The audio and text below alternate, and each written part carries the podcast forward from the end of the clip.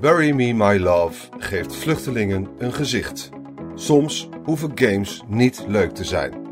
Geschreven door Daniel Verlaan voor Laatscherm.nl. Ingesproken door Arjan Lindeboom. Vluchtelingen hebben vaak maar één hulpmiddel tijdens de helse tocht naar Europa: hun smartphone. Het apparaat speelt dan ook een belangrijke rol in Bury Me My Love, dat het verhaal vertelt van de Syrische Noor en haar gevaarlijke reis naar Europa. Je hebt een appje binnen van je vrouw. Ze legt je de keuze voor. Moet ik de boot pakken naar Griekenland of proberen te lopen naar Istanbul? Wat denk jij dat de veiligste optie is? Het is een van de vele dilemma's die Bury Me My Love je voorschotelt. Het spel, dat eind september voor Android en iOS wordt uitgebracht, is niet gemaakt om je te entertainen. Soms hoeven games gewoonweg niet leuk te zijn, vindt de 36-jarige Franse bedenker Florent Morin, zolang ze maar een belangrijk verhaal vertellen. Wees veilig. Morin heeft voordat hij games ging ontwikkelen tien jaar in de journalistiek gewerkt. De verhalen die hij vertelde als journalist wilde hij op een andere manier aan de man brengen. Games leken hem het ideale medium ervoor.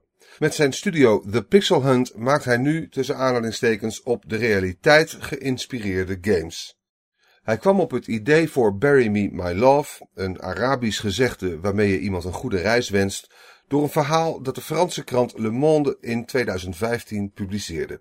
Het stuk is geschreven door de Franse journaliste Lucie Soulier, die in de Turkse grensstad Izmir met vluchtelingen sprak en hen vroeg naar hun reis en ervaringen. Daar ontmoette Soulier de Syrische vluchteling Dana Shaker. Ze interviewde Shaker over hoe ze de route naar Europa had uitgestippeld en hoe ze contact houdt met haar familie.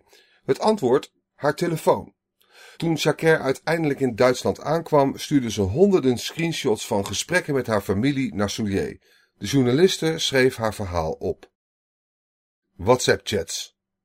De screenshots vormen de basis van het verhaal van Bury Me, My Love. Het spel vertelt hoe een jonge vrouw genaamd Noor vlucht uit Syrië nadat haar zusje is gedood door een bom en vervolgens de lange reis naar Europa maakt. Via WhatsApp houdt ze contact met haar man Majd, die in Syrië blijft om voor oudere familieleden te zorgen. Jij speelt als Majd. Het spel is, simpel gezegd, een lang WhatsApp-gesprek. Je wisselt tekst, emoji, foto's en video's met elkaar uit en helpt Noor om Europa te bereiken door haar emotioneel te steunen en praktisch advies te geven. Er kan veel gebeuren met Noor, vertelt Morin. Vooral als je bedenkt welke kanten de game allemaal op kan gaan. Bijna elke keuze die je maakt heeft effect op het verloop van de game. Zelfs de emoji die je stuurt kan ervoor zorgen dat het verhaal een andere wending krijgt, legt Morin uit. Er zijn in totaal 19 verschillende eindes in Bury Me My Love, waarvan het gros lang niet zo rooskleurig is als de reis die Shaker maakte. Zij kwam na een lange reis aan in Duitsland en volgt nu een opleiding tot kok. Reflecteren op de wereld. Voor Morin was het maken van de game lastig. Hij worstelde met allerlei vragen. Willen mensen wel een game spelen zonder een leuk en positief verhaal? Toen dacht hij, als Soulier zo'n mooi en meeslepend artikel kan schrijven voor Le Monde, waarom zou dat verhaal dan niet in een game gegoten kunnen worden? Het is ook een verhaal waarin elke keuze belangrijk is. De ideale basis voor een game.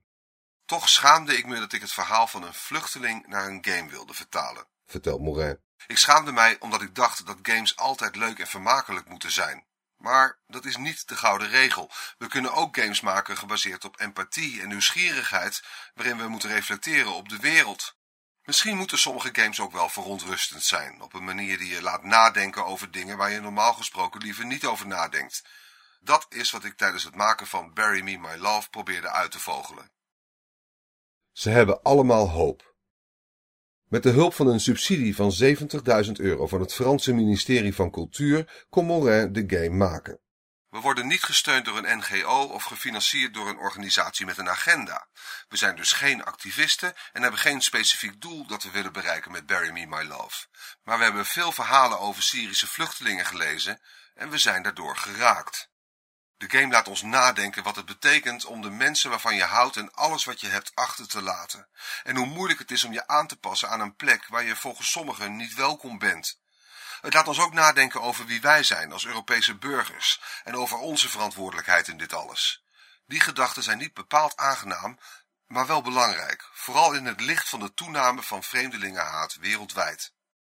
Morin hoopt dat spelers realiseren dat ze veel meer gemeen hebben met de twee jonge Syriërs dan ze aanvankelijk denken. Maar we willen de mensen niet brainwashen en laten denken dat elke vluchteling de leukste persoon is die ze ooit gaan ontmoeten. Dat zou net zo schandalig zijn als de extreemrechtse mensen die ons willen overtuigen dat vluchtelingen allemaal uitschot zijn. Onherkenbare mensenmassa's. Tijdens het maken van de game zegt Morin eigenlijk iets heel triviaals te hebben geleerd. Dat vluchtelingen niet een soort groep zijn waar je in zijn algemeenheid over kunt spreken. In tegenstelling tot de beelden die we op tv zien. Grote onherkenbare mensenmassa's die tegen landsgrenzen aan het duwen zijn. Het zijn allemaal individuen. Sommigen zijn geweldig, anderen wat minder. En ze hebben allemaal kwaliteiten, gebreken, dromen en hoop. Ook Morin heeft hoop. Hij hoopt dat ook spelers gaan realiseren dat elke vluchteling een eigen verhaal heeft. En uiteindelijk gaat de game ook over het moeilijkste in het leven. Omgaan met het feit dat je degene waarvan je houdt niet meer kunt helpen. Ja, ik hoop dat spelers ook daarbij stilstaan. Dankjewel voor het luisteren naar Laatscherm voorgelezen. Als je waardeert wat we hier doen, dan zouden we het leuk vinden als je even een sterrenrating en een recensie achterlaat op Apple Podcasts of de podcastservice van jouw keuze. Abonneer je ook op onze andere podcast, Praatscherm. En ga voor deze en meer verhalen, geschreven of gesproken, naar laatscherm.nl.